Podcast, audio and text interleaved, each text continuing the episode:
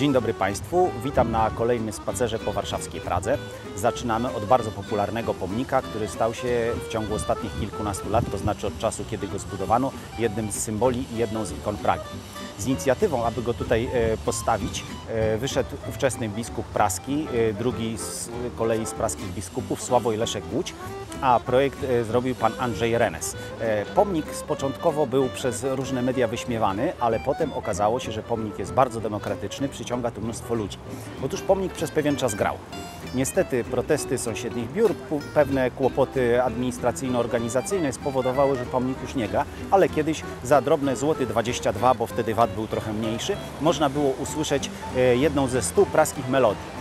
Znajdujemy się przed budynkiem kina Praha, zwanego przez Prażan po prostu kinem Praga. E, Budynek ten jest z roku 2000. E, Niestety kino w tej chwili tam nie funkcjonuje. Poprzedni operator się wycofał. Trwają poszukiwania nowego, a szkoda, bo to e, multiplex. Są tam trzy sale kinowe, jedna duża, dwie mniejsze. Miejsce bardzo rodzinne.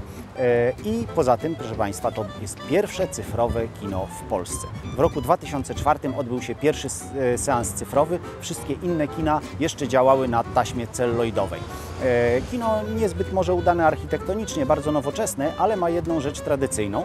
E, Otóż na elewacjach od e, strony ulicy Kłopotowskiego i od strony ulicy Okrzei są płaskorzeźby przedstawiające bardzo znanych polskich aktorów poprzedniego okresu. Niestety artystycznie mało udane, także nie radzę Państwu na nie patrzeć bez okularów spawalniczych. Tęczowy budynek, który za nami się znajduje, zawdzięcza swoją formę fatalnej przebudowie z okresu początku lat 90. E, Wtedy mieściły się tutaj biura i e, jeden z właścicieli, e, zresztą dosyć znany z różnych afer, przebudował po prostu w taki niezbyt oryginalny, a rażący oczy sposób ten budynek, który wcześniej miał zupełnie inne formy, ponieważ został zaprojektowany przez bardzo znanych architektów Wiktora Espechana i Juliusza Dumnickiego w roku 1952. E, Był to dom towarowy, e, pedet, jeden z dwóch warszawskich pedetów, bo drugi był na Woli e, i miał formę o dziwo niemieckiego domu towarowego z lat 20. E, Do tego domu oczywiście zmierzały pielgrzymki kupujących. Tutaj były delikatesy, tutaj można było poczuć zapach mielonej na parterze kawy. Natomiast e, teraz budynek mieści e, Urząd Skarbowy, który to Urząd Skarbowy wszedł w posiadanie tego budynku po prostu w wyniku kary wymierzonej poprzedniemu właścicielowi, e, który na różnych podatkowych machinacjach był Skarbowi Państwa tyle winien, że budynek po prostu został skonfiskowany. Budynek, który Państwo widzą, e, w którym mieści się obecnie Kuria Warszawsko-Praska, w okresie PRL-u mieścił centralę nasienną. Natomiast e, bardzo znany był w okresie międzywojennym e, jako Dom Weteranów, Dom Weteranów Powstania Styczniowego. Sam budynek powstał w latach 1896-1900 dla rosyjskiego Czerwonego Krzyża, który umieścił tutaj dom wdów po oficerach armii rosyjskiej. Nad drzwiami do budynku widzimy podłużne wysokie okno. To było kiedyś okno cerkwi Matki Boskiej Pocieszycielki Strapionych. Nad budynkiem górowała kopuła cerkiewna, zdemontowana potem w latach 20., kiedy umieszczono w budynku e, Dom Weteranów e, Powstania Styczniowego. Budynek, który Państwo widzą, to jest budynek e, najbardziej chyba na Pradze znanej kamienicy, kamienicy pod Sowami, najbardziej znanej, bo najpiękniejszej. Przez wiele lat był w stanie kompletnej ruiny, ostatnio został wyremontowany, chociaż konserwatorzy zabytków co do pewnych szczegółów remontu mają bardzo dużo negatywnych uwag.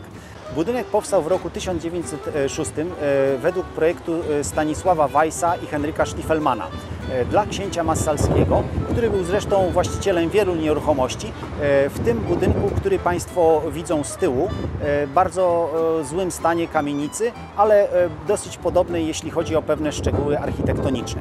Dom ten jest zwany domem pod Sowami ze względu na dwie rzeźby sów u samej góry, ale na elewacji budynku jest mnóstwo różnych latających stworów, latających nocą.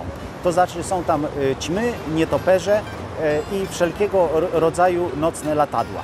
Na rogu tego budynku w okresie międzywojennym mieściła się e, słynna kawiarnia Abrahama, Abrahama Cronenberga. Jerzy Kasprzycki pisał o różnych incydentach związanych e, z tą kawiarnią, przez które właściciel zdecydował się zmienić e, nazwę w roku 1933 e, z kawiarni u Abrahama na kawiarnię u Adolfa. Zbiegło się to dokładnie z datą e, przejęcia przez Hitlera władzy w Niemczech. Kawiarnia była w warszawskiej prasie e, bulwarowej bardzo e, dobrze znana z tego, e, że odbywały się tam pijatyki gangsterów kontrolujących praską rzeźnię, a to była mm, dużo ważniejsza sprawa niż bazar Różyckiego. Budynek, który widzą Państwo po drugiej stronie ulicy to Mykwa, czyli rytualna łaźnia żydowska, jedyna w Warszawie, jaka została po wojnie. Zbudowana została w latach 1911-1914 według projektu architekta Nauma Hornsteina. Mykwy y, zwykle sąsiadowały z synagogami, e, a ta konkretnie y, sąsiadowała z synagogą znajdującą się na rogu obecnej ulicy Kłopotowskiego, e, czyli dawniejszej Szerokiej i Jagiellońskiej. W czasach zaborów była to ulica Moskiewska. Obecnie w budynku mieści się wielokulturowe liceum imienia Jacka Kuronia. Na bardzo niewielkim obszarze skoncentrowanych jest mnóstwo zabytków. Tak naprawdę to jest serce Pragi. Y, Te okolice to skrzyżowanie ulicy Kłopotowskiego z Jagiellońską oraz z ulicą Floriańską. Ale oczywiście na Pradze jest mnóstwo innych interesujących miejsc, do obejrzenia których zapraszamy w następnych odcinkach.